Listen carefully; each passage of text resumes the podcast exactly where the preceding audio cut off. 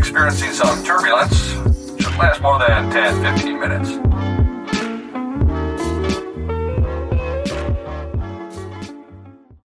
Då kör vi. Då kör vi. Eh, samtalet med eh, David och Björn. Ska vi börja med att eh, presentera oss? Det kan vi göra. Ska du börja? Eh, ja, det kan jag. Jag heter eh, Björn Wikström och eh, jag har ADHD.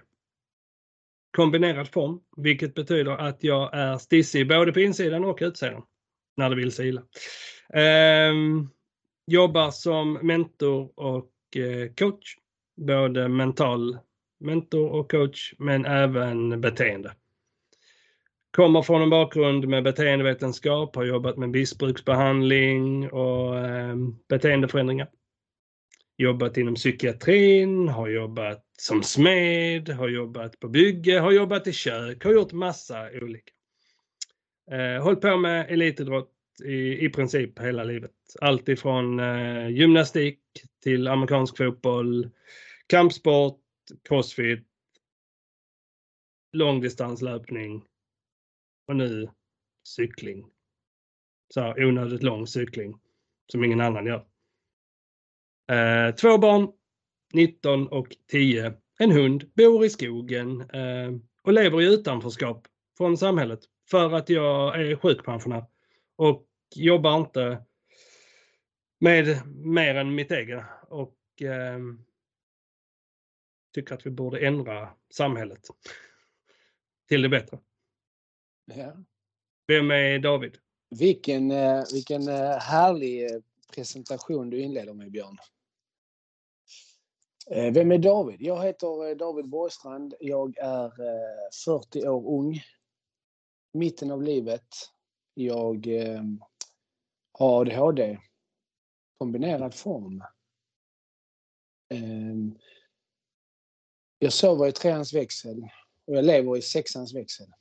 Det är väl ett ehm, det är väl mitt enklaste, mitt enklaste sätt att beskriva hur jag lever mitt liv. Sen så eh, kan man tolka det precis som man vill. Känner man mig så vet man vad jag menar. Känner man inte mig så eh, får man i alla fall en förståelse när man träffar mig. Mm. Eh, Jag är hyperaktiv i det mesta. Jag är allt eller inget. Jag är 100 procent eller inget. Och sen är jag också extremt svårkoncentrerad när det är någonting som jag inte är fullständigt intresserad av. Minsta lilla avvikelse och jag tappar allt. Jag, eh, jag bor i Hör med min familj, fru, två barn, fem och sju år gamla. Ehm, Till vardags så jobbar jag som familjebehandlare, familjeterapeut inom socialtjänsten i Malmö stad.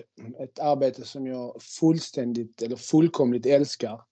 Jag jobbar med individuella samtal, jag träffar föräldrar och, som har barn mellan 0 till 18 år.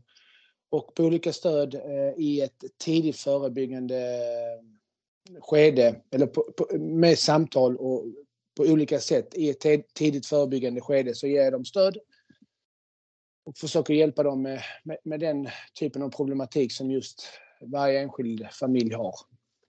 Jag har jobbat med socialt arbete i massa herrans år, familjebehandlare i många år och så vidare, ungdomsbehandling. Eh, Det är väl eh, mitt kall här i livet tror jag, att jobba med, med, människor och ge stöd. Mm. Ehm, Och när jag inte, när jag inte jobbar så eh, tränar jag och tävlar jag på elitnivå i crossfit. Och ehm, har tränat och tävlat eh, på elitnivå i större delen av mitt liv. Först var det brottning och sen efter det var det, ja, det var fotboll också men det var inte på någon elitnivå. Och sen har det varit thaiboxning och sen efter thaiboxning så blev det crossfiten. Och, eh, ja, sen har jag väl hittat på lite andra bus och hyss här och där. Ja, och det, det, kommer vi till. tänker jag det kommer väl komma fram eh, när vi pratar om baksidorna av impulsivitet och eh, ADHD. Mm, Tänker jag. Utanförskap Precis. och annat. För jag tänker ju att detta kommer ju bli en resa för oss båda tillsammans med de som lyssnar. ja, men absolut. För vi vet verkligen. ju inte heller. Nej, och det är väl det som är lite charmen med det här. Liksom att vi, vi, vi, vi har eh, gett oss ut på en resa tillsammans eh, och vi vill ha med precis alla på det här. För vi vet att precis alla är påverkade och precis alla behöver lyssna. Mm. Men eh, jag kan väl säga, och jag tror att jag talar för oss båda, att jag har ingen aning om var vi är på väg. Men eh, det blir jävligt spännande att bara se var vi landar liksom från avsnitt till avsnitt. Ja, alltså jag... ehm, det är så lätt att springa före sig själv och, och hypa sig själv. Men detta känns som någonting helt nytt. Det finns ju massor med ADHD-poddar och annat. Eh, Men jag känner att de svarar inte riktigt på det jag är ute efter. De- det, Nej. jag får inte svar på det som, som betyder någonting för mig. Um, Vad, då, vad, är det, vad är det du tänker på då? nej, men då tänker jag på det här med, med när vi växer upp med ADHD och vi får vi får eh, alla de här tillsägelserna. Vi får sitt still, ah, koncentrera dig. Ah, ska det vara så svårt? Varför är det alltid du David? Varför är det så? Fattar du inte? Är du dum? Det gör ju att vi bygger en självbild som är otroligt negativ som vi alltid har med oss. Om vi inte får stöd i att jobba med den senare. Mm. Och den självbilden, den är ju svår. För att när vi hamnar i en situation sen, det kan vara en kärleksrelation, så tolkar vi ju vår upplevelse utifrån vår egen uppfattning. Alltså dålig. Så varför ska jag klara av denna relationen? Varför ska jag lägga manken till? Det är inte värt någonting idag. Jag kommer ändå misslyckas. För det har jag förhört sedan jag var liten. Mm. Alla suckar, alla ifrågasättande. Och med det sagt så, så betyder inte det att jag vill skuldbelägga någon. För att om inte jag vet mina svårigheter eller min familj när jag var liten, så hur ska mina lärare kunna veta? Hur ska Nej, de kunna veta vad, vad, vad mina svårigheter är om ingen berättar det?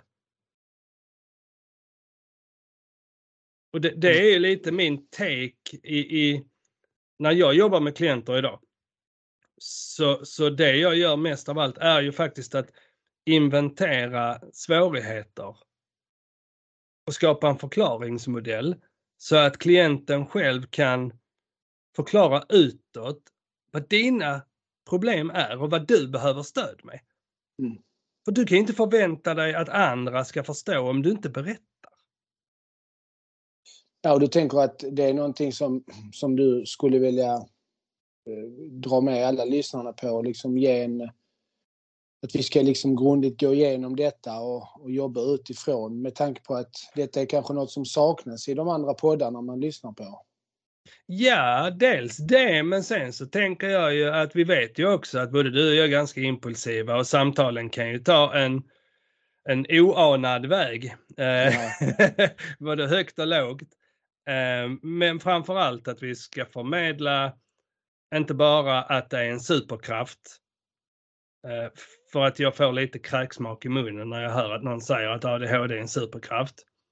Jag förstår tanken, men då har man också glömt bort baksidan av det. Ja, och där sa du någonting som jag tänker är extremt viktigt och som jag tänker på. Nu har inte jag lyssnat på jätte, jättemånga poddar så och jag ska inte namnge några utan de flesta jag har lyssnat på har varit bra. Väldigt så, de har varit väldigt generella och ganska allmänna eh, Mm. poddar så. så eh, har man inte, vet man inte riktigt vad ADHD innebär och vad det står för och hur det tyr sig och ter sig så, så kan det vara bra att lyssna på en sån allmän podd och få lite, liksom, lite allmän historik. Jag, jag tänker också, precis som du säger, jag skulle vilja ge en... Jag skulle också vilja framåt liksom kunna ge ärliga, liksom att våra samtal blir liksom nakna, eh, ärliga. Vi lägger liksom... Alltså jag lever mitt liv där jag lägger mitt, mitt, mitt, mitt hjärta på min sliv. Mm. Liksom. Så jag lägger hjärtat på armen i det mesta jag gör. Och liksom så skulle jag vilja att du och jag har den här raka, ärliga, nakna kommunikationen och sen så att det förmedlas liksom till de som lyssnar. Att de också får en, en, den råaste men också den ärligaste bilden av hur det är att vara 40 respektive 41. Eh, nästan. 46. 46. Ja. nästan. Och, eh, men, men hur det är att vara i vår ålder och ha Mm. levt med en, en, en diagnos i så många år och fått en, fått den liksom utredd, utredd när man var vuxen ålder. Men hur Mm. har vi levt med den? Hur har vi maskat våra liv? Hur har vi kunnat utbilda oss? Hur har vi kunnat levt ett liv? Hur relationer vad har varit Mm. motgång och svårigheter i våra relationer tidigare? Och Ja, det, Det- är ju det någonting finns som inte man den inte nakna. pratar. Nej, alltså det är ju någonting, man pratar inte om den här ångesten, självmordstankarna, utanförskapet. Varför blir det så? Och, och, och detta är ju också ett sätt för dig med, för vi, vi ska ju också berätta att du och jag känner ju inte varandra. nej. Eh, vi pratade för första gången i måndags. Eh, och du är ju som min lillebror. Alltså det, det, det är så bisarrt. Och då ska man veta att de flesta med ADHD eh, och autism, mest ADHD, klickar man med någon man har träffat och pratat med dem i tio minuter så är man bästa polare. De har känt Mm. varandra i världen. Det är alltid liksom. Det är min bästa polare någonsin. Eh, Och det är, det är ju en, en tidsuppfattning och en känslomässig risk i det. För det kan ju dyka upp eh, schismer sen som man kanske inte var beredd på. Eh, och då är ju ens upplevelse att du och jag har känt varandra svinlänge. Men det har vi inte. nej. Eh, och jag tänker att detta är ju också, lyssnarna kommer ju få följa med på våran resa, din och min, tillsammans för att lära Precis. känna varandra och förstå oss själva och varandra. Mm, just det, så. Och, och det jag vill ge till lyssnarna där det är liksom vara en fluga på väggen för två män som faktiskt ärligt vågar prata om fördelar och nackdelar. Inte något jävla hokus pokus. Eh, Vi kommer aldrig sälja några vitaminer och mineraler för att din ADHD ska bli bättre. Vi kommer aldrig säga att så här är det. Men vi kommer säga så här funkar det för mig. Mm. Eh, Det som är forskning, det är forskning. Det kan vi säga. Men utöver det så är det högst indi- individuellt. Absolut, visst är det så. Och precis, vad är det som har gjort att, vad är det som har gjort att dina strategier har funkat för dig? Och vad är det som har gjort att mina strategier har funkat för mig? Och vilka strategier har absolut inte funkat? För att För det har vi ju provat både du och jag. Strategier som inte har funkat och gärna De- fastnat i dem och fortsatt. jag tror nog att eh, när folk, när folk om, man, om man bara ska förklara det med strategier så handlar det för folk som lyssnar att har, hur har vi lärt oss att, att, att hantera eller att maskera vår diagnos? Eller hur har jag lärt mig att, att eh, försöka vara inom situationstecken normal i samhället? Hur har jag försökt liksom kamouflera mig in och vara som alla andra? Det är för mig en av strategierna till att kunna liksom vara en del av samhället och, och bara fungera eller vara en del av eh, en gemenskap i skolan eller vad det var. Och kunna vara och, och, och fungera. Men med facit i handen så jag har vissa strategier som, jag har många strategier som har fungerat. Men de flesta strategierna har inte fungerat. Nej, och kan det komma sig ifrån att vi inte vet om att det är strategier? Antagligen. Vi, vi lär ju med åren och med tiden. Och jag tror att eh, jag tror också att ju, ju mer man själv utbildar sig, alltså att man, man liksom själv läser på om diagnos, om vad som händer i hjärnan, om hur det ter sig. Så, att man träffar likasinnade och pratar i utbildning och så, så tror jag också att man, man också blir bättre på att lära sig vad som är en strategi och, Mm. och hur man ska hantera den strategin. För att vi är ju, jag menar, vi har pratat lite grann om, om hur vi var när vi var, alltså för 20 år sedan eller Ja. för 25 år sedan. Och finns en anledning till varför jag har kallats för Dinge-David. Eh, Mm. Liksom från tidig ungdom till Mm. vuxen ålder. Va? Och, det, och det, kanske man kan, det kanske vi kan prata om en annan gång. Liksom. Men, men Ja. det har, och du har liksom också berättat Mm. lite hur du härjade och höll på. Och, Precis. och det, och det, det är inte bara, det handlar inte bara om att man, man sökte en kick någonstans eller så. Det, det ligger ju så mycket mer under det. Va? Som, Alltså där känner jag ju att, att det det handlar om egentligen.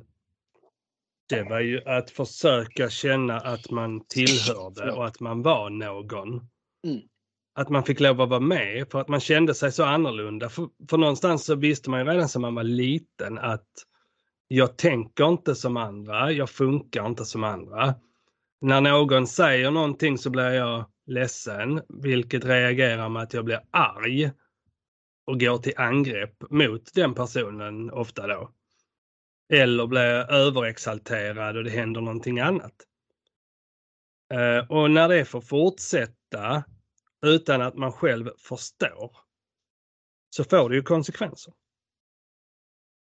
För, för att där är väl ingen som vill umgås med någon som är superimpulsiv, pratar om sig själv hela tiden. Ehm, och så fort någon säger eh, ja men jag var med om det här så säger man oh, ja det, det har jag också gjort. Ja och det har vi men det handlade inte om mig nu. Nej. Men det är ett sätt för många med ADHD att beskriva sin, sin empati. Så när du säger ja och jag var i crossfit-boxen och lyfte och jag, jag fick så jävla ont i axeln för jag gjorde så här. Och jag säger ja men jag har gjort samma sak. Så är inte det för att sno din upplevelse. Det är för att beskriva att jag förstår exakt vad du pratar om. Ja. För jag har varit med om samma. Och under uppväxten så blir det ju då väldigt konstigt när, när man känner sig utanför. Eh, och då ställer man sig utanför gruppen och funderar på varför. Och i samma sekund så visar man ju ganska tydligt att jag tillhör inte gruppen. Men så står man där och tänker varför får jag inte vara med? Ja, visst är det så. Och då kan man ju fråga sig, är det jag själv som exkluderar mig för att jag känner mig annorlunda eller är det andra som gör det? Jag vet inte.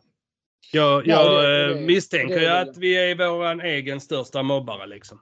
Så Ingen det. kan mobba mig lika mycket som jag kan själv.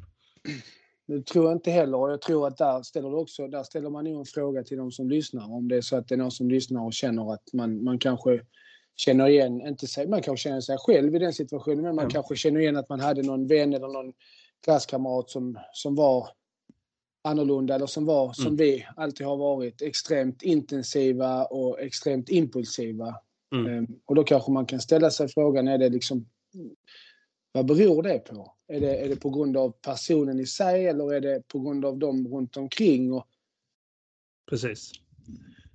Ja, för det är, det är jätteviktigt i det här läget att man funderar, är mitt barn en rövhatt? Eller är det någonting annat? För, för när vi inte vet själva så är det väldigt lätt att vårt rövhattsbeteende som kommer ifrån ADHD tas som individbeteende. Att det är du som David jag ska bara säga till min hund att han ska vara tyst för han står och gnäller här. Bruno, gå och lägg dig. Gå och lägg dig. Så. Så, gå och lägg dig. Han stirrar på mig och backar. Eh, nej men, ni, som, ni som lyssnar så... ja, jag har en, en ganska stor hund. Det är ingen chihuahua, det är en eh, 35 kilos eh, draghund. Jag eh, lägger en eh, bild i, eh, på honom i, i flödet. Eh, men, men det jag tänker att när, om man inte vet om själv att man har svårigheter så är det så väldigt lätt att man backar tillbaka och sen blir man ledsen för att man står utanför. Och enda sättet jag kan reagera på med, med den sorgen, för den vill jag inte ha. Den ångesten och den sorgen vill jag inte ha. Så då går jag på ännu hårdare och så blir det ännu mer fel. Och så åker jag läng- ännu längre tillbaka. Och jag tror att det du pratar om där, alltså, nu använder du det, det använder du ordet, eh, rövhatt använder du ju. Ja. Eh, jag, jag ska se om jag kan hitta ett eget ord för det. Men jag tänker att det har, jag tänker att, och jag håller med dig där, att är det personen som, som är på ett visst sätt för att det är eh, personligheten hos barnet eller hos ungdomen eller hos vuxna eller vem det nu än är. Eller Precis. är det för att personen har en beteendesvårighet, en NPF. eh, Det kan ju som- vara så mycket som gör att beteendesvårigheten är där. Så kan det vara. Jag, jag kan till exempel om vi pratar om barnen nu, när jag var yngre så vet jag om att jag till exempel är uppvuxen i, eh, jag har en pappa som är från Chile och vi, vi har alltid pratat spanska hemma med båda mina föräldrar. Och span, spanska är mitt, mitt modersmål precis som svenska. Va? Mm. Eh, och jag är uppvuxen eh, i, i ett väldigt invandrartätt område i Malmö på eh, Holma, Kroksbäck. Mm.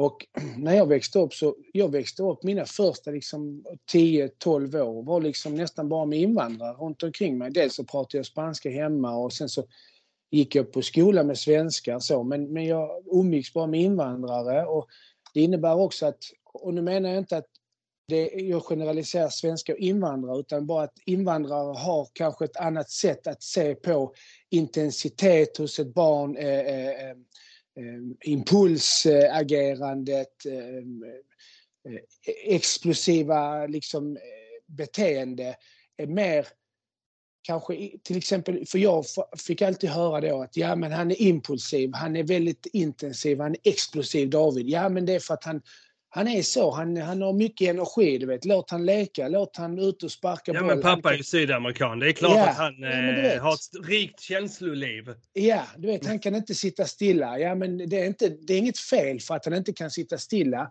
Det är för att han, det är så han är. Låt han springa istället, låt han leka. Och det var det jag, så fick jag höra det. Medan en annan i samma situation och samma ålder, ja men då, då kanske de sa att ja men det är någonting fel här, för det här är inte normalt. Men det är också att, jag, jag tror att senare i livet, och, och, det, och sen så har det ju fortsatt, men sen när jag kom till skolan och jag gick och det var, då blev det ju annorlunda. Att man, Mm. man fick liksom, eh, man skulle liksom, då, då, då började med att man skulle mörka de här beteendena och så. Då var det inte lika accepterat. För att jag kom från vänner och deras familj och så, där, där liksom hade någon sagt, ja men eh, ADHD, de bara, vad är det? Ja men det är ADHD och så, det här är ADHD. Nej, det finns inte. Det, är- det är ingenting som heter ADHD. Det är bara att man är ett barn. Man blir bara livlig. Och Precis. så, så ser det ut många gånger. Va? Och det är också en sanning. Och det har också kanske att göra med, med, med, med utbildning, hur långt framåt man är, hur mycket man liksom bryr sig om att, om att ta reda på vad saker och ting eh, betyder och vad det är. Men, men i många kulturer, och det är så jag upplevde det, jag säger inte att det är så, det min upplevelse var att i den kulturen som jag befann mig, dels väldigt sydamerikansk och väldigt, men väldigt med, med mycket med människor från Palestina, från Libanon, jag är uppvuxen med dem, jag är uppvuxen mycket med romer, eh, mycket med albaner. I den kulturen så var det, hade aldrig kommit på tal om någonting som heter ADHD och DAMP, utan det är bara, han är bara, det är lek i honom. Det är Mm. lek i honom. Ja. Mm. Så sen jag fick ju, som du säger, sen så när jag då blev bemött med att, nu använder jag ditt ord, men, men Mm. är det jag som är en rövhatt eller är det någonting som är fel? Precis.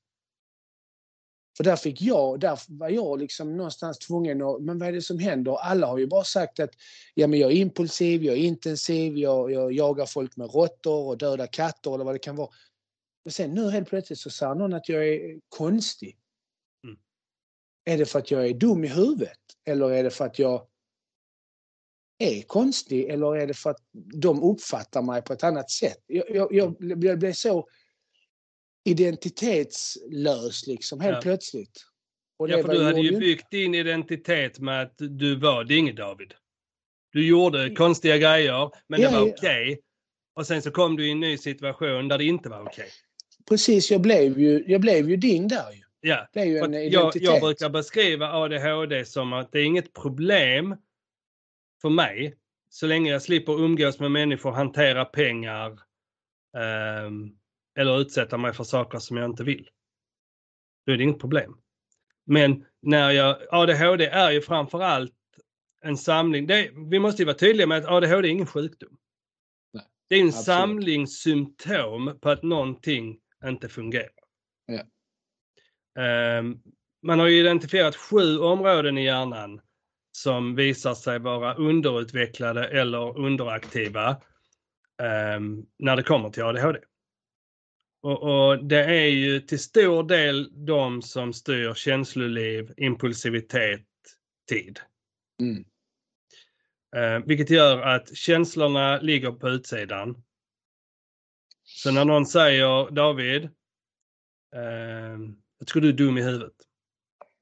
Du har inget filter på det du säger utåt. Men i samma sekund som det filtret försvann utåt så försvann ju också filtret inåt. Mm. Vilket betyder att någon, när någon säger David, jag tycker du är dum. Så landar det inte på din hud. Det landar i din person. I din självkänsla. För att du har växt upp med att känna dig annorlunda redan innan. Så när någon fyller på den så går det som en pil rakt in. En bra Och bekräftar, men, och bekräftar det som du redan tänker om dig själv. Jag är konstig, jag är dum för att jag gör det här. Ja, jag jagade dig med en råtta för att jag tycker om dig. Jag ville busa till det. Men eh, det var inte riktigt meningen att du skulle snubbla och jag skulle slå råttan i huvudet på dig. Eh, så, så att du kräkte. Men jag kunde inte heller, min dåliga självkänsla kunde inte göra att jag sa förlåt utan jag sa skyll dig själv. Mm. Det är inte mitt fel. För jag, när jag växte upp, jag var ju otroligt konflikträdd. Alltså var det någon som sa till mig så här. Eh, ja men varför gjorde du så? Och då försökte jag ju hitta anledningar till att det inte var mitt. Det är inte min skam att bära. För jag var så full av skam och, och, och ångest och rädsla redan innan att inte tillhöra. Så när det blev fel så sa man, men det var inte jag. Det var inte mitt fel. Ja men du slog ju honom. Ja men eh, han började. Aha. Vad gjorde han? Ah, han sa att eh, jag hade ful cykel. Ja, ja.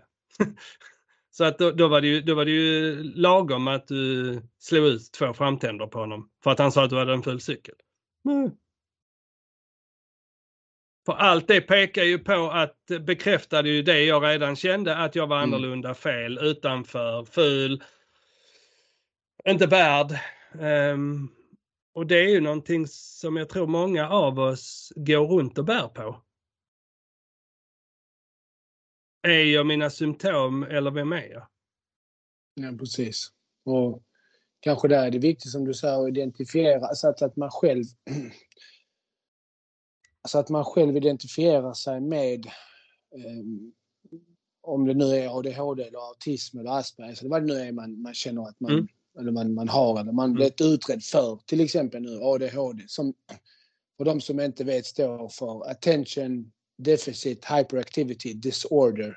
Sen så kan man ha någonting som man kallar för ADD, Attention Deficit Disorder. Det är liksom inte det. Nej, där, där vill jag dra, där vill jag dra i Okej. handbromsen. För det är så här. Eh, när vi gör vår utredning så använder vi oss, psykologen använder sig av DSM-5. För att, alltså ehm, DSM står för Diagnostic Survey Manual 5. Det är den vi går igenom när vi ställer frågorna. Ja. Där har vi tre olika grader av ADHD. Vi har ouppmärksammad form. Det som tidigare hette ADD.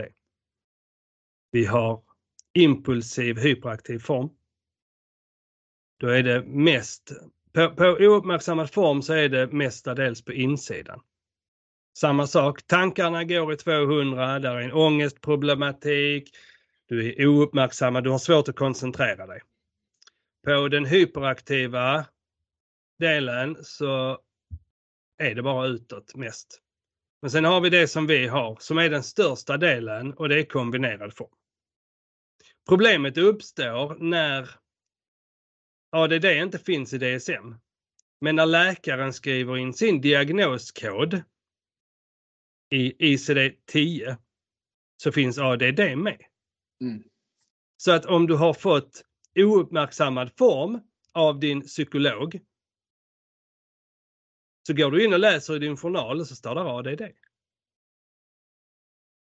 Vi, vi, nu, nu kommer ICD-11 här eh, under 2023 förmodligen och då är ADD borta. Eh, Okej. så- Men, så- men jag menar, och du har rätt i det du säger. Ja. Jag bara menar att Jag vill bara förklara för, Ja. för lyssnarna också att um, ADD är på väg ut. Eh, vi har ouppmärksammad form, vi har impulsiv hyperaktiv form och vi har kombinerad form. Ja. Och sen lindrig medel och så. och så. Ja, och jag fick, eh, min diagnos är kombinerad form medelsvår. Ja, det är som Ja. jag. Ja, och vi, vi är lika dinga i huvudet och vi ska till Jögboet en vacker dag båda två. Men, Ja. och, och det är bra du beskriver det. Men jag tänker att oftast när man pratar så pratar man ju inte i den här formen. Folk använder inte termer. Han har en kombinerad form, ouppmärksam, det är hyperaktiv. Utan Nej. man säger alltid ADHD eller ADD. Men folk vet inte vad det står för. Nu är det engelska förkortningar och termer. Men det, det har väl varit det generellt då. Att det är hyperaktiv och det är liksom koncentrationssvårigheterna. Eh, det är väl Mm. kanske det man, det är kanske det de, alltså gemene man vet. Ja, Eh, precis. Eh, Det finns en läkare som heter Lotta Borg Skoglund. ehm, Som är Lotta psykiater. var i Skoglund. Nej, Lotta Borg Skoglund. Lotta Borg Skoglund. Okej, Lotta förlåt. var Lotta i skogen. Tänkte hände Lotta var i skogen. Eh, Ja. Lotta Borg Skoglund. Eh, Hon har skrivit en eh, bok tillsammans med sin kollega Martina Nilsson som heter ADHD på jobbet. Mm. Och hon tänker, jag hörde henne prata en gång och då så la hon fram tanken att vi kanske skulle ta bort beskrivningen ADHD. För egentligen så är det ju bara som vi sa innan ett gäng symptom. Mm. För när jag började titta på just attention, deficit, hyper så, så beskriver inte det vad problemet är egentligen. Absolut inte. Långt ifrån. det, det, det är så, det är så um, nedvärderande egentligen. För att jag har inga problem att fokusera. Om du lyckas trigga min lust och mitt intresse. Jag har inga problem att sitta still. Om jag är fokuserad. Nej. Problemet med ADHD-hjärnan är ju att den försöker att fokusera på allting runt mig lika mycket hela tiden. Och då blir det svårt att koncentrera sig. Och då blir det svårt att sitta still. Och där, bara för, det, är, det är jättebra det du säger och det är precis så det är. Och där, som till exempel jag, jag brukar alltid, jag har alltid sagt att det är mina beteendesvårigheter. Jag har beteendesvårigheter. Ja men det har vi alla, säger folk. Absolut. Alla har mer eller Mm. mindre Alla, beteende. alla har, alla har Alla ju har- de här problemen. Alla har någon form av beteendesvårighet. Ja. Men precis som du beskriver att jag kan inte vara, det är jättesvårt för mig att vara i ett, i, ett sällskap eller i- vid en middag eller i ett rum där det är fem vuxna som sitter och pratar. Eh, vissa pratar tvärt, alltså vissa pratar genom varandra diagonalt och sen är det fyra, fem ungar som ska kolla på TV, iPad som springer runt. Mm. Människor utan en diagnos som vi har kan sitta ner och filtrera dessa, alla de här ljuden och allting som händer och liksom okej nu ska jag fokusera på, nu ska Björn berätta om sitt nya jobb på eh, leksaksaffären. Så nu lyssnar jag på honom. Jag hör ju vad du säger när du berättar om din leksaksaffär och du hör vad jag säger. Men vi hör alla andra ljud lika klart och tydligt. Så Mm. vi hör precis vad som händer på iPaden, vi vet precis vad det är för typ av, eh, vilket avsnitt det är av eh, Babblarna på TV, vi hör när barnen bråkar, det är papper, det är godis, vi hör vad de andra vuxna pratar om. Och det gör ju att, det gör ju att man, man, man till slut, alltså man vet inte vad man ska ta vägen. Man går alltså det, äter, det äter upp en för det, för när man säger till folk då att ja men eh, att vara i den här miljön för oss en timme. Jag, jag springer, jag, jag lovar och svär att jag springer hellre härifrån till jag springer hellre från Ystad till Kristianstad än att Mm. är där en timme. Ja. På hur jag mår efteråt. Så ansträngningen min hjärna har gjort är, är mycket högre eller mycket större eller mycket mer eh, utmattande än om jag skulle springa i 15 mil. Ja, och det, det tänker jag, det, det, när hjärnan försöker att lyssna på allt samtidigt och barnen springer runt. Dina ögon ska ha koll på mig när vi pratar, men dina ögon letar hela tiden efter det som rör sig runt om oss. Ja. Så går det otroligt mycket energi.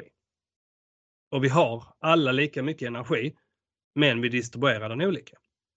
Visst är det så. Och, och det är ju jätteviktigt att förstå det om man har barn som har ADHD eller man har någon respektive eller själv. Att börja inventera vilka situationer upplever jag mest problem i. Mm. Och, Och det- och var medveten om att jag kommer bli bakfull på detta. Ja, precis.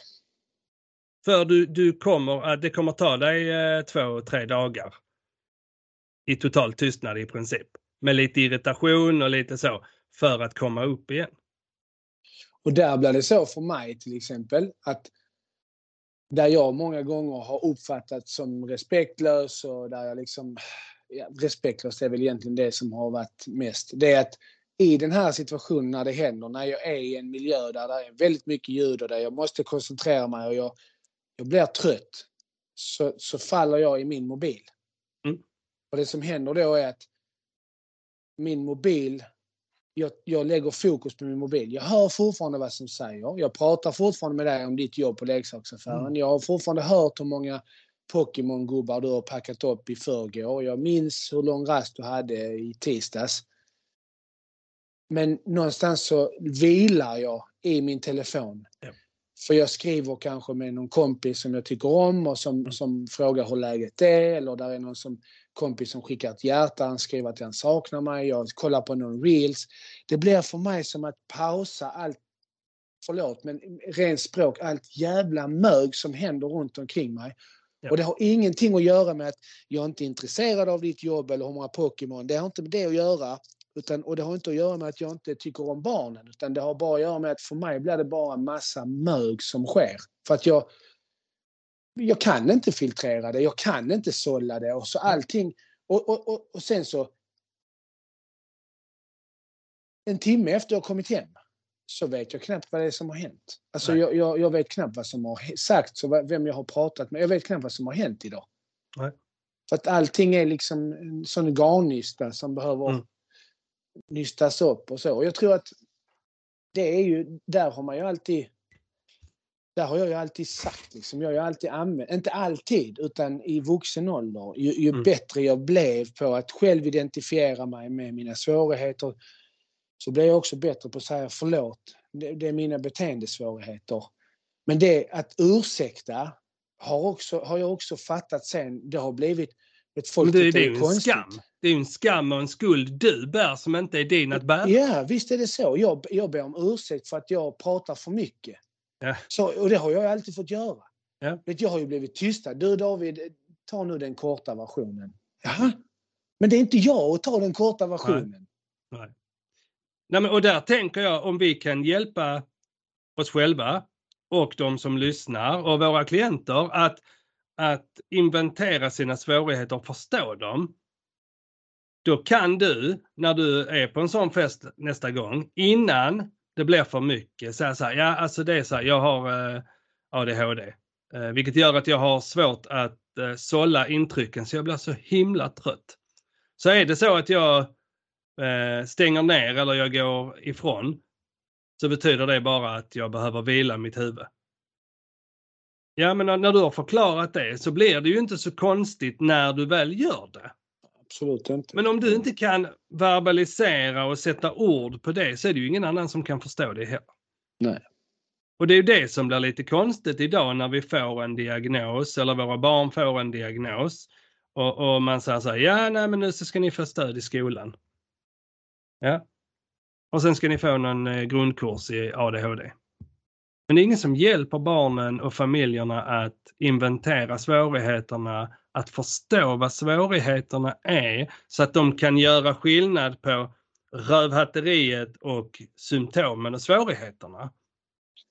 För då kan vi ju inte heller ta till oss anpassningarna tillräckligt. Då bygger vi ju vidare på stigmat och skammen. Om jag inte kan säga jag har de här problemen. Och därför måste jag göra så här ibland. Nej, och helt rätt. Och där jag tänker en sak som jag, nu är detta min åsikt, men jag är av den åsikten. Jag, jag som jobbar mycket med eh, att eh, dels när, när det är problematik i familjer så hjälper vi dem vidare till vad det nu kan vara. Exempelvis då BUP, Mm. barn som har eh, diagnoser eller där man misstänker. Och många gånger är det så att jag träffar familjer med barn som har eh, familjer som har barn som är under utredning eller de, ska, de, är, de står i kö till BUP, de ska påbörja Mm. en utredning. Men under tiden, eller om utredningen är igång och det kan ta hur lång tid som helst, men, eller innan det börjar. Och under tiden så får familjen inga stödsamtal av BUP. Nej. Så familjen står liksom ensamma. Och det som händer sen är att barnet får en, en utredning och efter utredningen är gjord, diagnosen är satt, så kan de få liksom, eh, de kan gå föräldrakurser för att lära sig om hur ADHD fungerar. Så finns det ett par olika de kan gå. Jag är Ja. inte så insatt i dem, men eh, där är några olika och man kan bli eh, rekommenderad andra och så kan BUP eh, skicka att man ska få gå de kurserna. Men där är det så.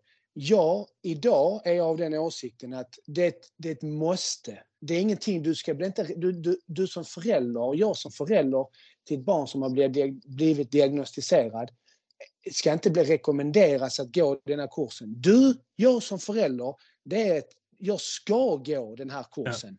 Jag ska gå den här för jag ska lära mig Mm. vad det är som händer i mitt barn. Vad det är som händer när mitt barn blir impulsivt, när mitt barn hamnar i en affekt, i en konflikt etc. etc. Det ska inte vara ett val. Jag träffar föräldrar där, den är, där föräldrarna är separerade, de har bra kommunikation, jada jada, men sen kommer det här då. Ena föräldern går på kurserna, den andra föräldern gör inte det.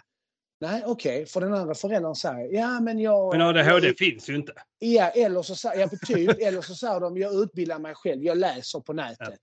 Fine, det finns jättemycket att läsa men problemet är att 9 av 10 läser inte utan Ja. man säger det för att man inte har tid. Man, man känner att jag har inte tid att gå på de här kurserna. Och så säger jag Varför har du inte tid att investera i ditt barn? Precis. det här är en investering. Det är precis som att fostra barnet. Det är en investering du, du gör. Ja, men jag löser det sen. Och vad händer då, Björn? Jo, det som händer är att du har gått som pappa och, och fått liksom mer uppfattning och du kan testa strategier hemma. Du kan Mm. möta ditt barn. Du, kan, du ställer de frågorna som, som kanske barnet mår bra av att höra. Du får en fin relation. Men, men modern då i detta fallet, om det Mm. var modern. Modern gör inte det för att hon inte tyckte, om, eh, tyckte det var värt att gå den kursen. Nej. Där blir ju konflikter. Mm. Jag, jag är bara så, men vi måste ju undvika det här. För vi vet ju om, och det kommer vi prata om långt senare, men Ja. hur vi båda har drabbats av psykisk ohälsa. Precis. Och, alltså den här... Ja, för ADHD i sig är ju inte någon psykisk ohälsa. Men effekten av Effekten är- utanförskapet Ja. och, och beteendena leder väldigt ofta till psykisk ohälsa. Precis, och det här som jag själv relaterar, relaterar till, den här missförstådden. Att, Mm. Vem är du David? Jag, jag, jag dinge David och jag är missförstådd. Mm. Ja, det var, är det jag det? frågade ju dig häromdagen, vem är David? Och, och eh, då hade du lite svårt att, att, att beskriva. Så då fick vi bara säga, men om vi tar bort eh, Crossfit-David, vi tar bort Dinge-David, vi tar bort eh, Kole-David, vi tar bort behandlaren, vi tar bort, att, vem är David då? Och då är vi ju alla egentligen, när vi sitter där i soffan och gråter för att vi inte vet vad vi ska göra, så är vi lika, lika nakna allihopa. Det är vi. Samma det, är jävligt, och det är jävligt tråkigt och det är därför jag menar att och det vi pratar om det också, va? att Ja. eh, det, det enda sättet för mig som förälder att lära mina barn hantera en situation, en, Ja. en, en, en impuls, en, en affekt, en konflikt etc. Det är ju att det enda sättet för mig att lära mina barn det, det är att jag lär mig hantera mina känslor i varje given situation. I en impuls, Precis. när det sker en, en, i en affekt, när det sker en konflikt. Förlåt, kan jag lära mig att hantera mina känslor och affekter där, då kan jag direkt lära mina barn hur de ska hantera sina affekter och känslor. Mm. Men om jag har ett barn, eller jag, ett barn som har ADHD, som, där, där det liksom redan finns en beteendesvårighet som, som är djupt rotad. Om jag inte lär mig hantera mitt barn eller lär mig att försöka lära mitt barn, nej då kommer det alltid bli missförstånd. Mm. Och då blir mitt barn det där missförstådda barnet återigen en del av statistiken bara. Och därför Mm. är min åsikt, precis som, nu har inte detta med saken att göra, men jag är stark åsikt att alla i skolan ska ha uniform. Vi ska ha skoluniform. Ja, ingen det ska få- finns ju en ingen- vits med det. Jag, jag tycker det är en oerhörd vits. Och, och det har också kanske att göra med, med, med diagnoser och sånt, men alla ska se exakt likadana ut. Av olika anledningar, det ska vi inte prata om här. Men har man ett barn med, med, som blir diagnostiserad så, så, så är det, det är ett, fan ta mig ett krav att du ska lära dig hur ditt barn fungerar. Ja, och inte bara det tänker jag, utan ska, du ska gå de här kurserna, men du ska också få handledning fortsatt i Ja, konflikthandledning. Du måste träna på att sluta kidnappa barnets känslor och göra det till att handla om dig. Ja, precis. Utan kunna skilja på vad som är vad.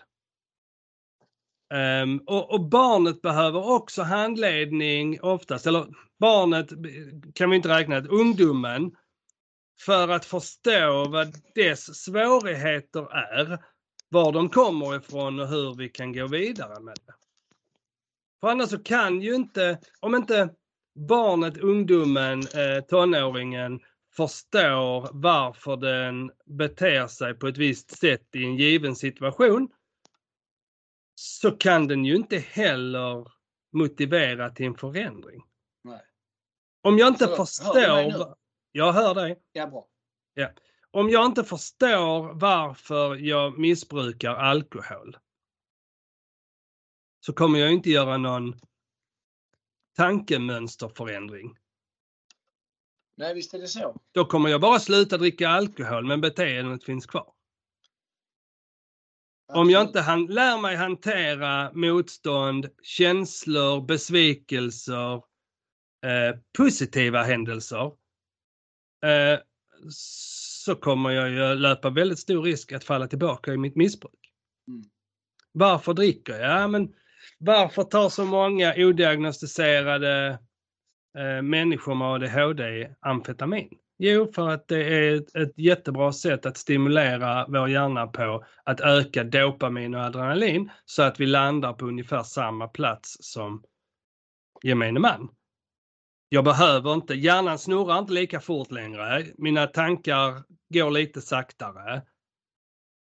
Jag får tid att reflektera. Och där sa du någonting jäkligt viktigt för jag tror att det är någonting som eh, just det här med att som jag fick höra då att ja men sådana som dig, det blir, det blir missbrukare eh, eh, eller kriminella. Ja, och risken är väldigt stor. Ja, och, och sen har man ju alltid hört och det har alltid varit så att ja men eh, han, har, han, är, han är kriminell, eller inte kanske bara kriminell, men han är, han är missbrukare, men han har ADHD, du vet.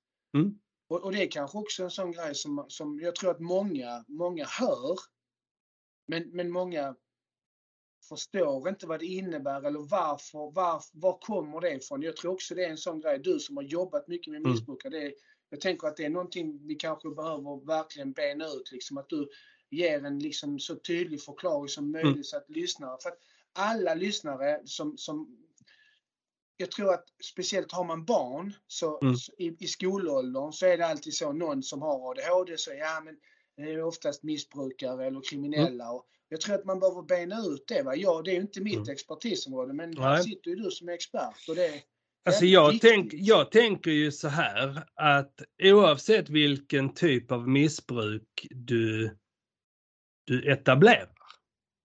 Om det är ett matmissbruk, oavsett om det är överätning eller om det är anorexi.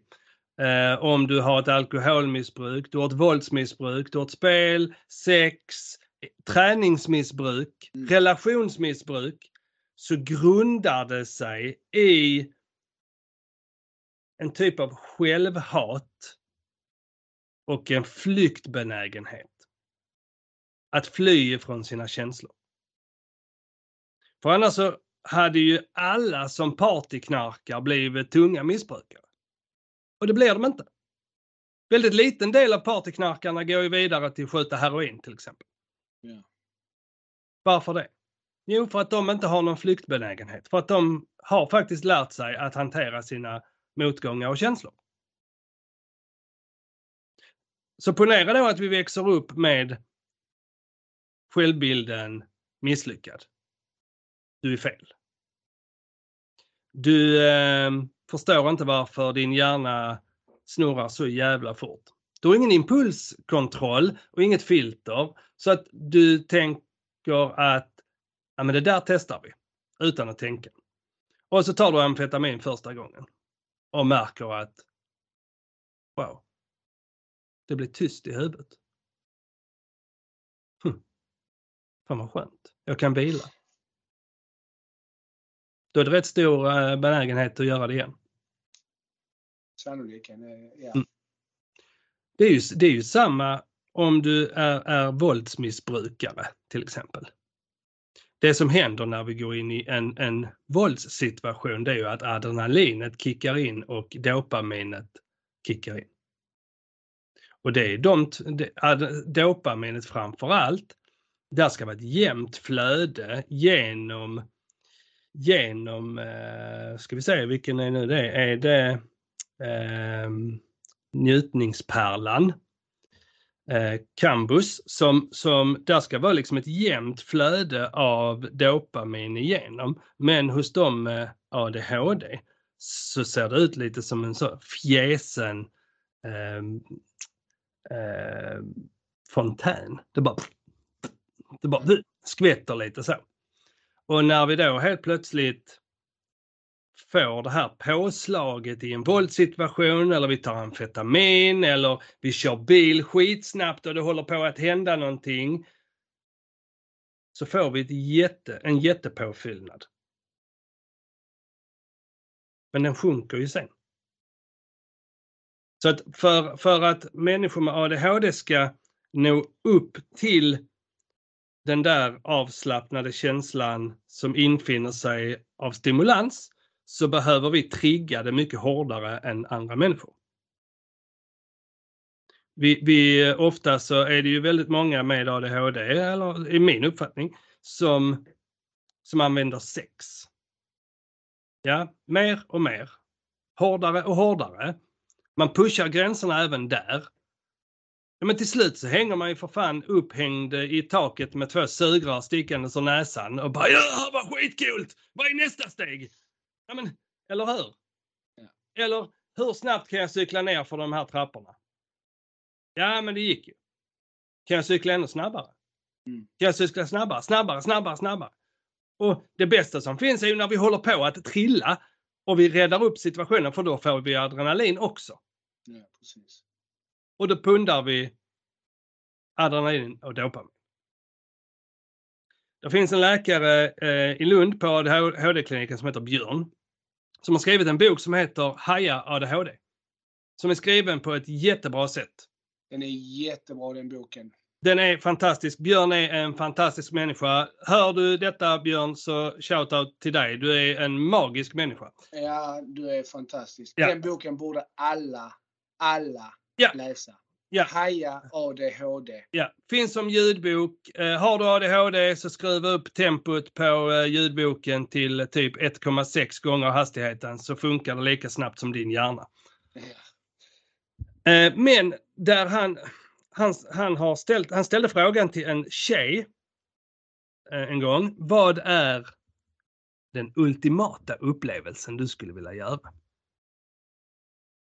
Och då funderade hon ett tag och så sa hon simma med hajar. Och då blev han så här.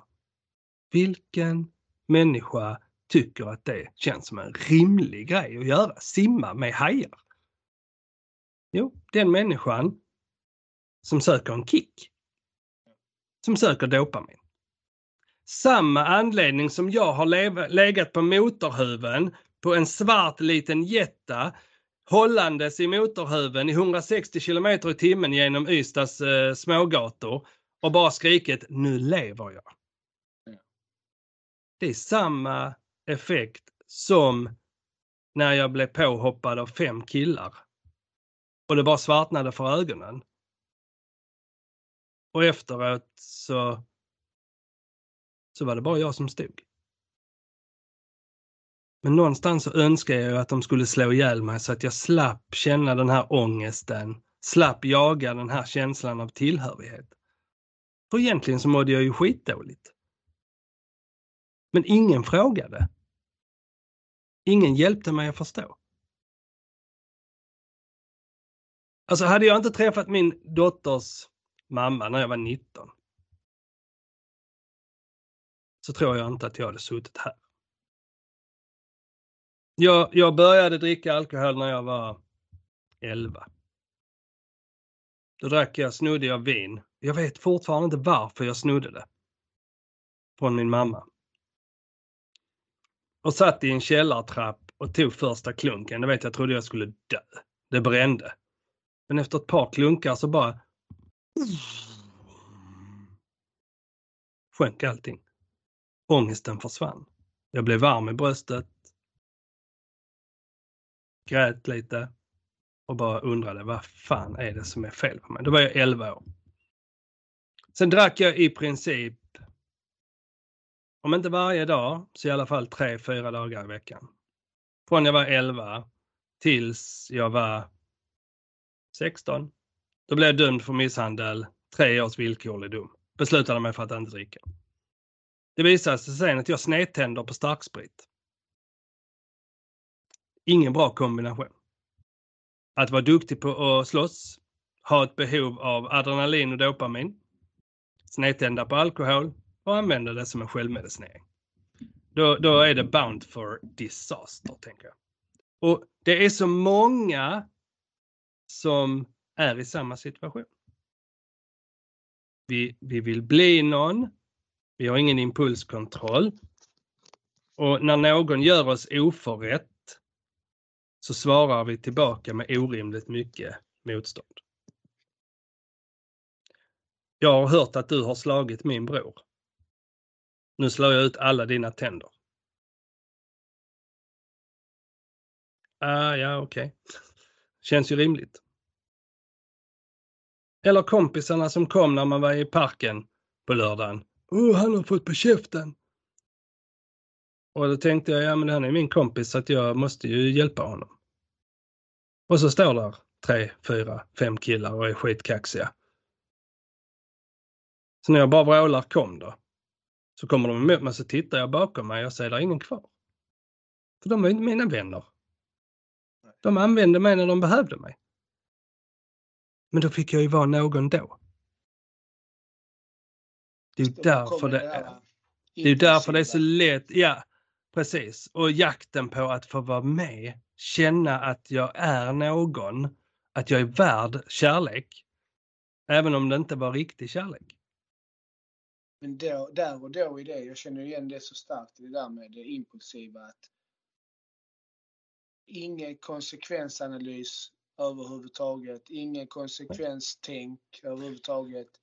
Impulsivt, all in. Mm. Ingen tänk överhuvudtaget vad som, vad som händer sen. Utan det är bara här och nu. Det, ja. vem, vem är jag här och nu? Ja. Och, och, vem kan jag vara här och nu? Ja, och vem vill, alltså vem försöker jag vara? Inte vem jag längtar efter för att vara. För det har jag inte fått hjälp med att förstå. Och få sätta värde på mig själv. För att allting som värderas är det jag gör negativt. Mm. Så, så att, där är det så spännande. Alltså, alltså där har vi ju den här TFCO-metodiken, eh, Oregon-metodiken att är det någonting som är fel så släck ficklampan. Yeah. För att det finns ingenting som är negativt där som inte innehåller något positivt.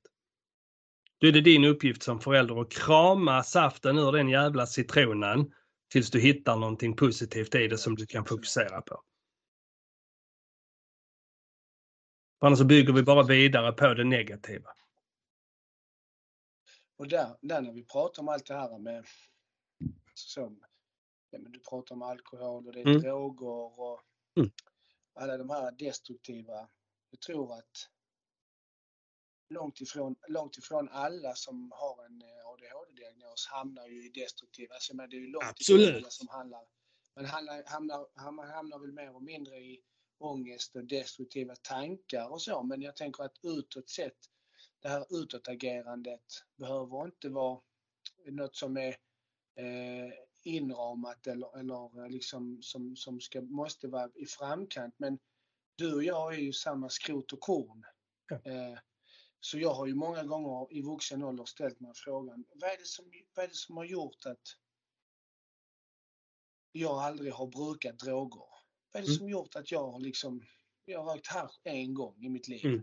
Ja, jag har rökt cigaretter och jag har druckit alkohol. Så, så det är väl, jag anser att det är droger, det har jag ju missbrukat så. För att, mm. ja, Det har jag Men har du, använt, har du använt alkohol som, som, ehm, som flyktmedel? Varje gång. Precis. Jag har ju aldrig använt alkohol.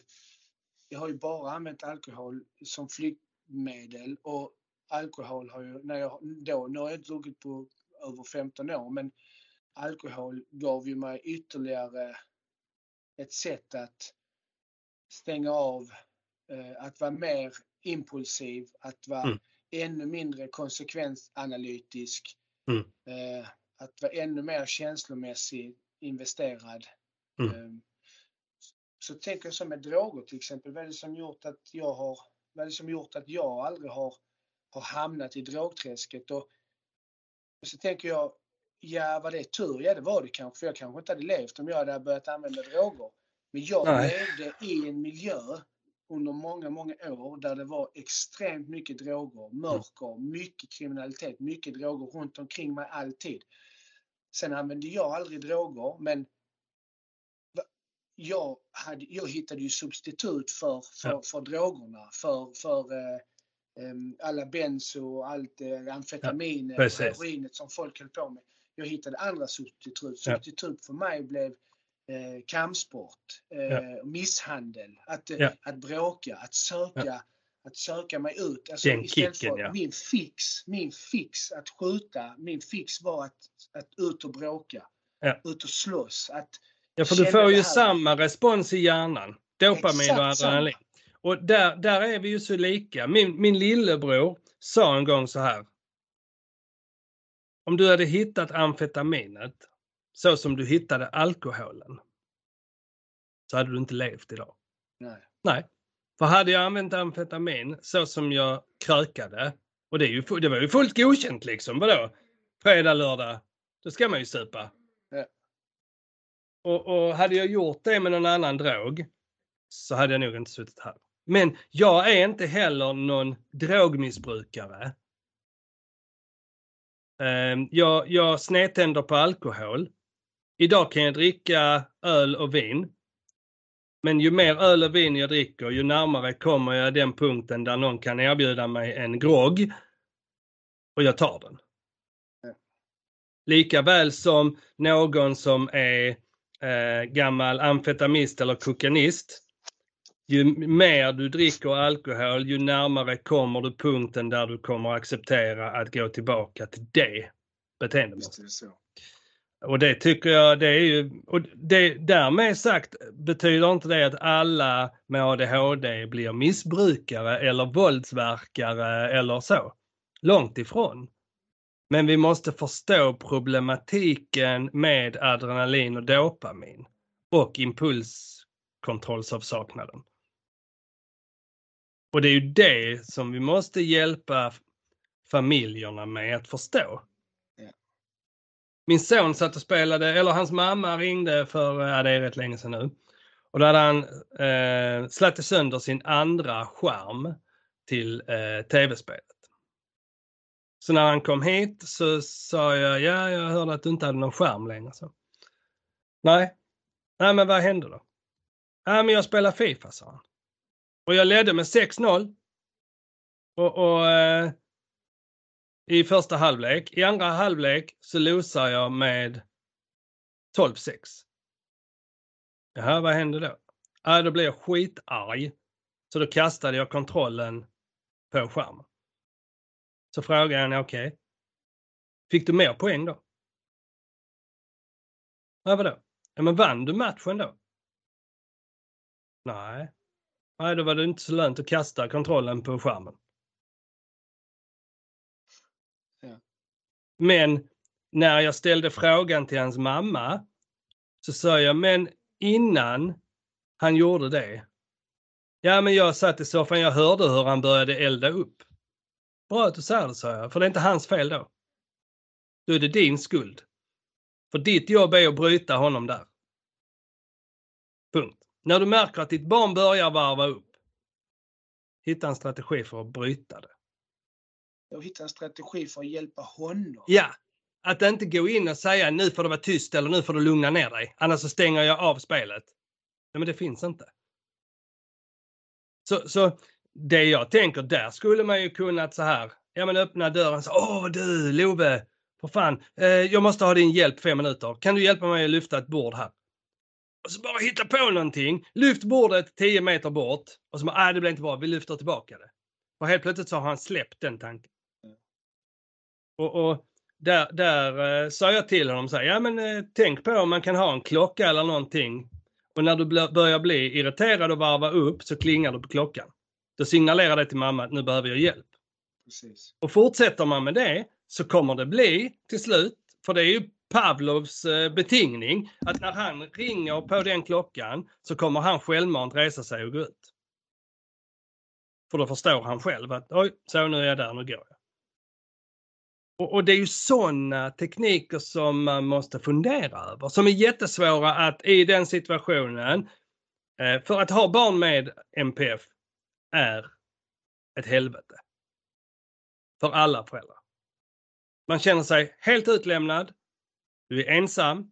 Alla, skola, SUS, eh, BUP, alla försöker pinna det på dig som förälder, att det är ditt fel. Och ingen får hjälp någonstans. Så att du, du, du, du är på gränsen till utbränd. Därför är det så viktigt att vi skapar någonting som stöttar dem i det här. Att kunna förstå att ja, men vissa grejer kan jag inte eh, agera på. Vissa grejer finns det vägar runt.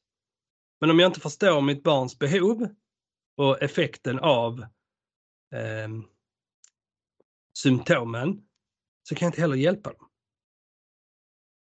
Tidsuppfattning till exempel. När du är i boxen och tränar så försvinner din tid. Eh, jag, jag, jag kan ju mycket väl säga så här, ja jag ska bara göra en eh, bild på datorn. Det tar fem minuter, fyra timmar senare är jag färdig. Många gånger har man gått ut en, jag ska bara gå en kort sväng och så träffar man den så pratar man och så tar det flera timmar. Klassiskt. Ja. Jag kommer om en kvart. Ja, eller En hur? halvtimme senare. Ja, precis. Och det är ju tidsuppfattningen. Eh, och att vi tenderar att inte ha en känsla för hur lång tid någonting tar. Och då kan man ju till exempel hjälpa sitt barn genom att med barnet klocka hur lång tid tar det att gå till bussen? Hur lång tid tar det att ta på sig kläderna och skorna och göra sig redo för att gå? Sen hjälper man dem att plussa ihop det. Och vara proaktiv och säga du, nu är det avgång om, om eh, sju minuter. Går du nu så slipper du stressa. Ja. För den stressen det blir när vi börjar bli sena gör ju det ännu värre. Symptomen hakar ju på det liksom. Och det är ju där, det du säger, det, det handlar ju om att, jag tänker så att det handlar om att hjälpa våra barn. Om vi, för nu, nu har vi ju hamnat, detta avsnittet handlar ju väldigt mycket om, om den tidiga åldern. Ja. Det var väl bra att det blev Ja. så naturligt. Ja, det var inte det som var tanken, men eh, det blev så.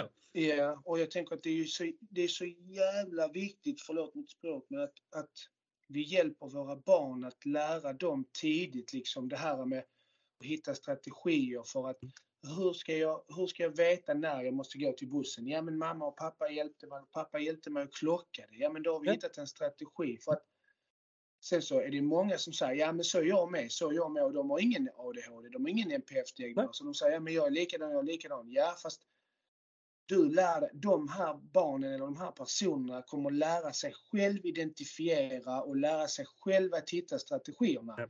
Så de kommer själv förstå, alltså det, det faller dem naturligt att okej, vad är det jag behöver göra för att komma i tid? Ja, men jag behöver gå tidigare eller jag behöver ta reda på hur lång tid det tar att gå hem. Ja, men imorgon när jag går hem från skolan så ska jag ta tiden eller i eftermiddag, hur lång tid det tar. Så kan de själv lägga ihop ett plus ett. Ja. Medan en, en barn eller en, en yngre person eller en person med NPF och ADHD har inte den, den, den, den förmågan. Den, den kanske, känslan finns där, man kanske vill, Mm. men det kommer aldrig ske. Så Nej, och det, det hänger ju på vårt, vårt arbetsminne. Ja, precis. Att absolut. vi har väldigt vi- svårt att flytta information från arbetsminnet till långtidsminnet Precis. om vi inte är superintresserade av det. Och då behöver Exakt, vi eftersom- vårt sätt att lära på. Och efter, oftast och det kanske är så att om jag behöver hjälp med strategi för att komma till bussen så är det ju för att det är ju fullständigt ointressant för mig. Ja. Och därför behöver jag ju hjälp med strategier. Så därför när många säger, till exempel som många säger till mig, ja men eh, jag har också så, eller jag har också, jag tror också jag har någon form av ADHD och, och jag har hört det så många gånger va, och då Mm. kan jag känna lite grann, eh, dels så idag så, eller för fem år sedan och sånt, så kanske jag bara skämtade eller bara skratt, Mm. skrattade åt det va. Att jag tänker att, ja ja okej. Men samtidigt så blir det också, många gånger har jag själv känt att det är som ett hån.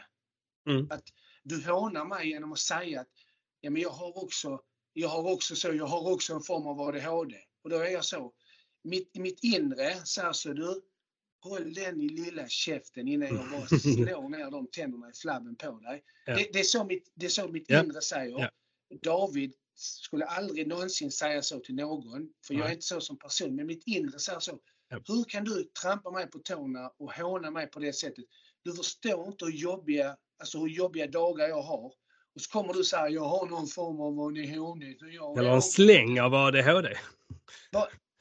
Du har inte det, så säg inte det för att jag har inte valt detta.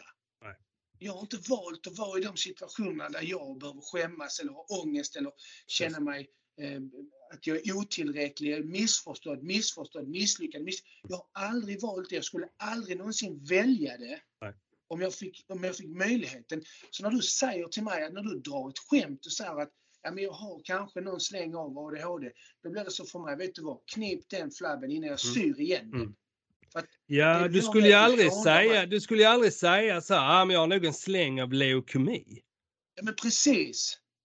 Eh, och, och där tänker jag att om, om, om vi inte själv förstår vår ADHD och kan beskriva den så kan vi ju inte heller möta dem.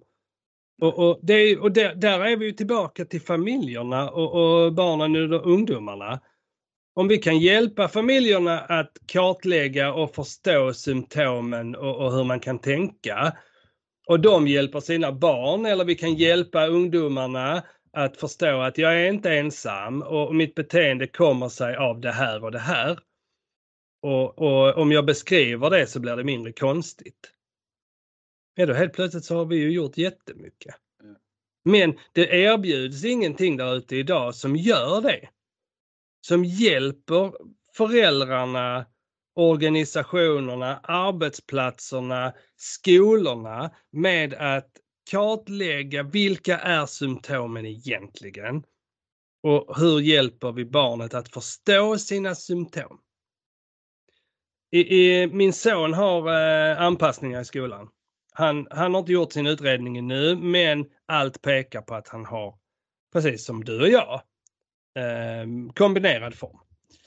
Eh, och sen så har han någonting som heter pausknapp som han kan lägga på sin bänk. Då får han lov att resa sig och gå ut en stund. Ja. Och så frågade en klasskompis, han går i fjärde klass, så frågade en klasskompis du, eh, varför har du den? Och, och det är det bästa jag har hört någonsin, för han svarade, jo, för att min ADHD gör att om jag sitter kvar när jag inte kan fokusera så kommer jag att antingen bli väldigt stökig, börja prata eller få ångest och inte klara av att sitta kvar. Så då kommer jag resa mig ändå. Så lägger jag den så går jag ut fem minuter och gör någonting annat, sen kan jag komma in igen. Och då svarar hans kompis, eh, och en sån skulle man haft. då tittar Love på honom och säger, ja du kan låna min.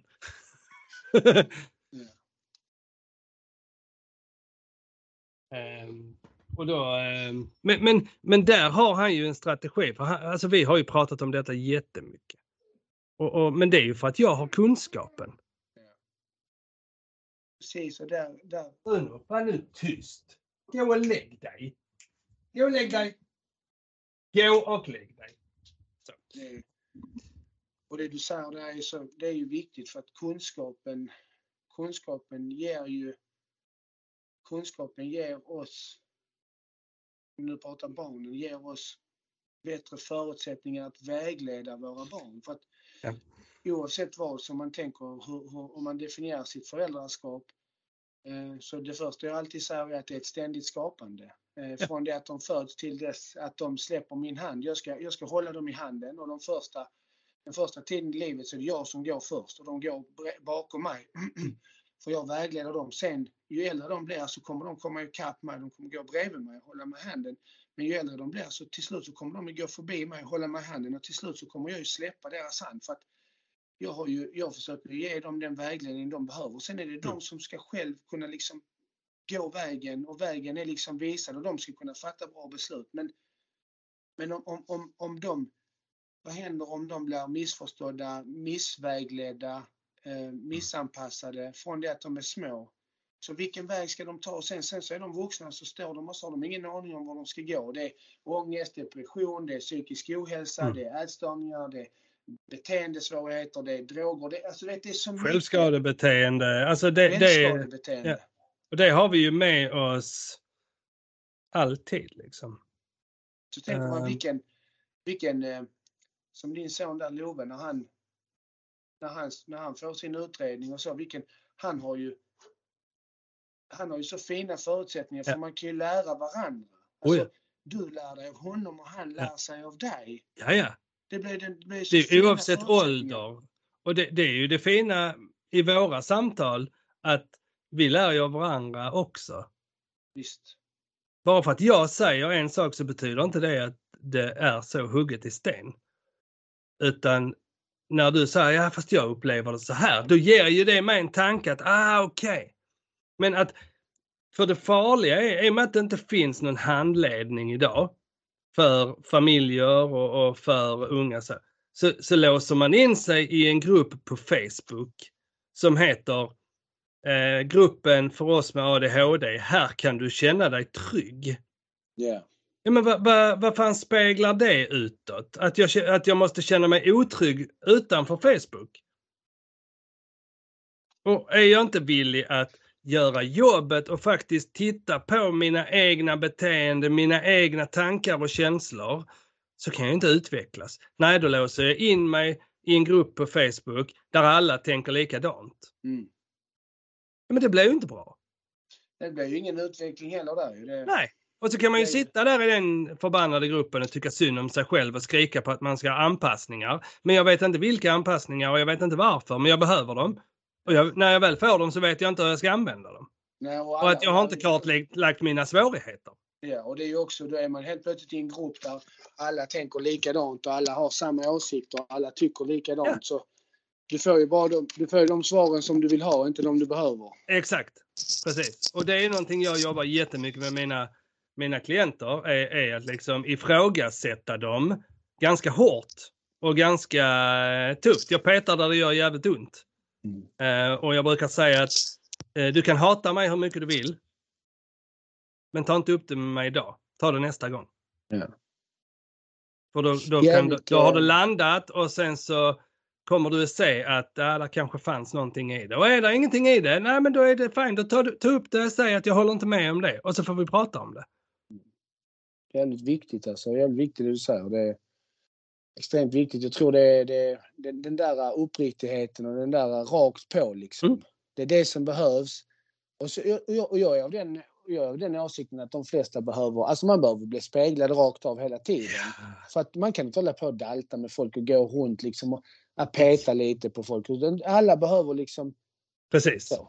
Och, och, så, och jag, så kan man säga att ja men eh, Björn, eh, hur, ska du, hur identifierar du dig med din diagnos? Om du skulle beskriva dig eh, som ett träd. Eh, ja, och, det, och, blir det, och, det, och det, Det är fine. Det är Det- fine, men, det, men jag, jag, jag, jag tror inte på den typen av behandling eller på vidareutveckling eller på... Nej. Liksom, ja, jag tror att man behöver vara mer rätt fram. Ja, och, och en del av problematiken där är ju att i alla de här terapeututbildningarna och, och samtalscoachutbildningarna och psykologutbildningarna och de här så är ju prio ett att du får inte komma för nära din klient. Nej. Klienten ska hitta sina svar själv. Vilket jag motsätter mig och det grövsta.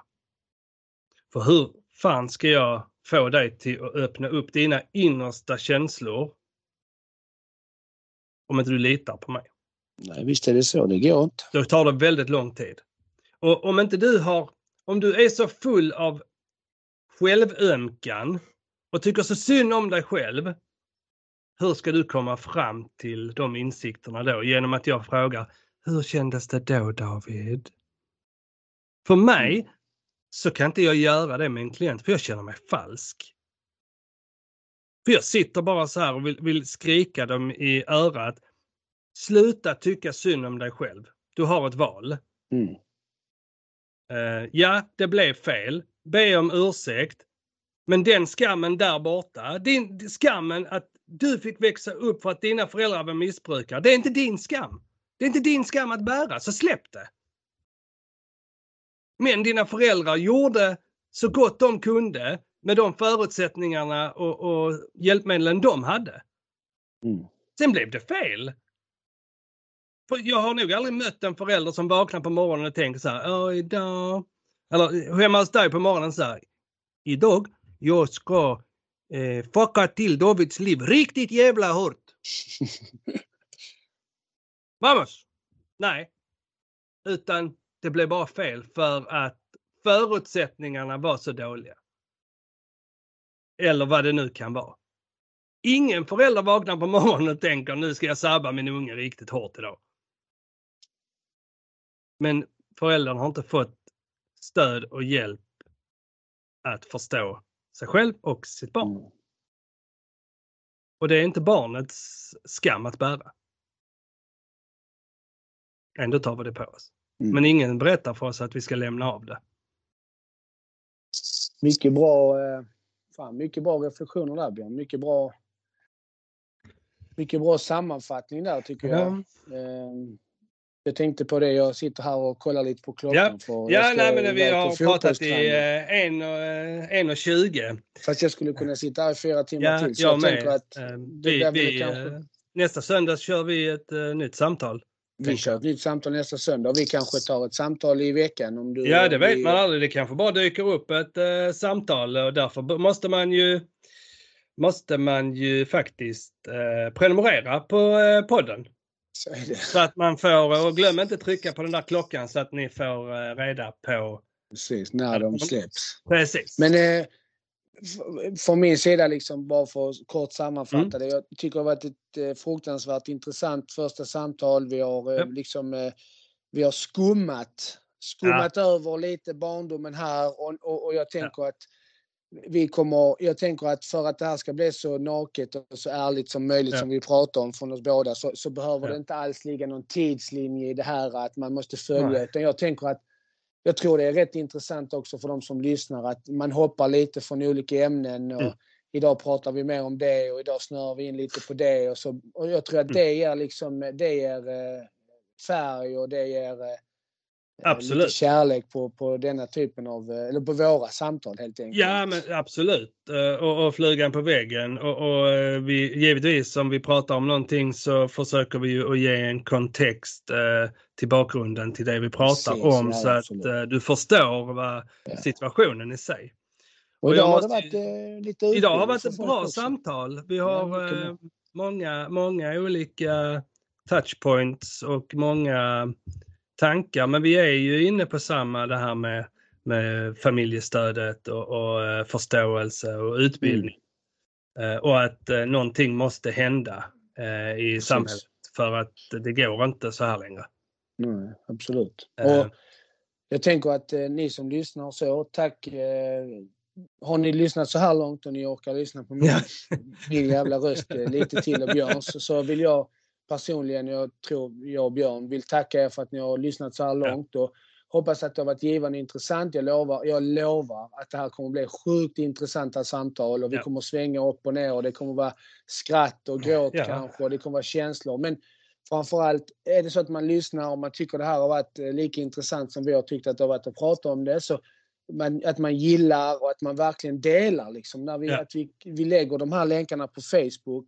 Lyssnar ni på samtalet, dela med er, skriv lite om det, dela, dela på era sidor, skriv lite om vad det handlar om. Precis.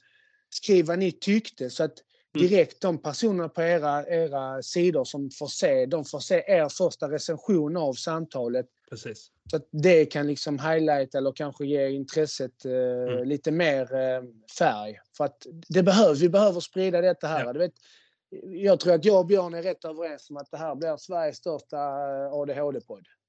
Ja, absolut. Eh, Eller ja, framförallt också en, en podd, inte bara för ADHD, men för personlig utveckling. Och, och, Personlig utveckling. ja, och, och eh, två män som kan prata om sina svårigheter, känslor, eh, sex och familjer och vad fan var det som hände liksom.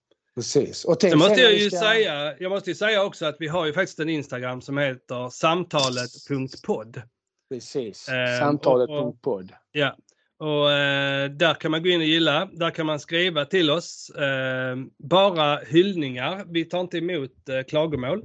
Nej, inget. Eh, så har ni negativt att skriva, skriv det till eh, mamma, pappa eller eh, någon annan. Som Skriv det till tomten. Ja, precis. Men gillar du det, följ oss i våra sociala kanaler. Eh, dela. Samtal.podd.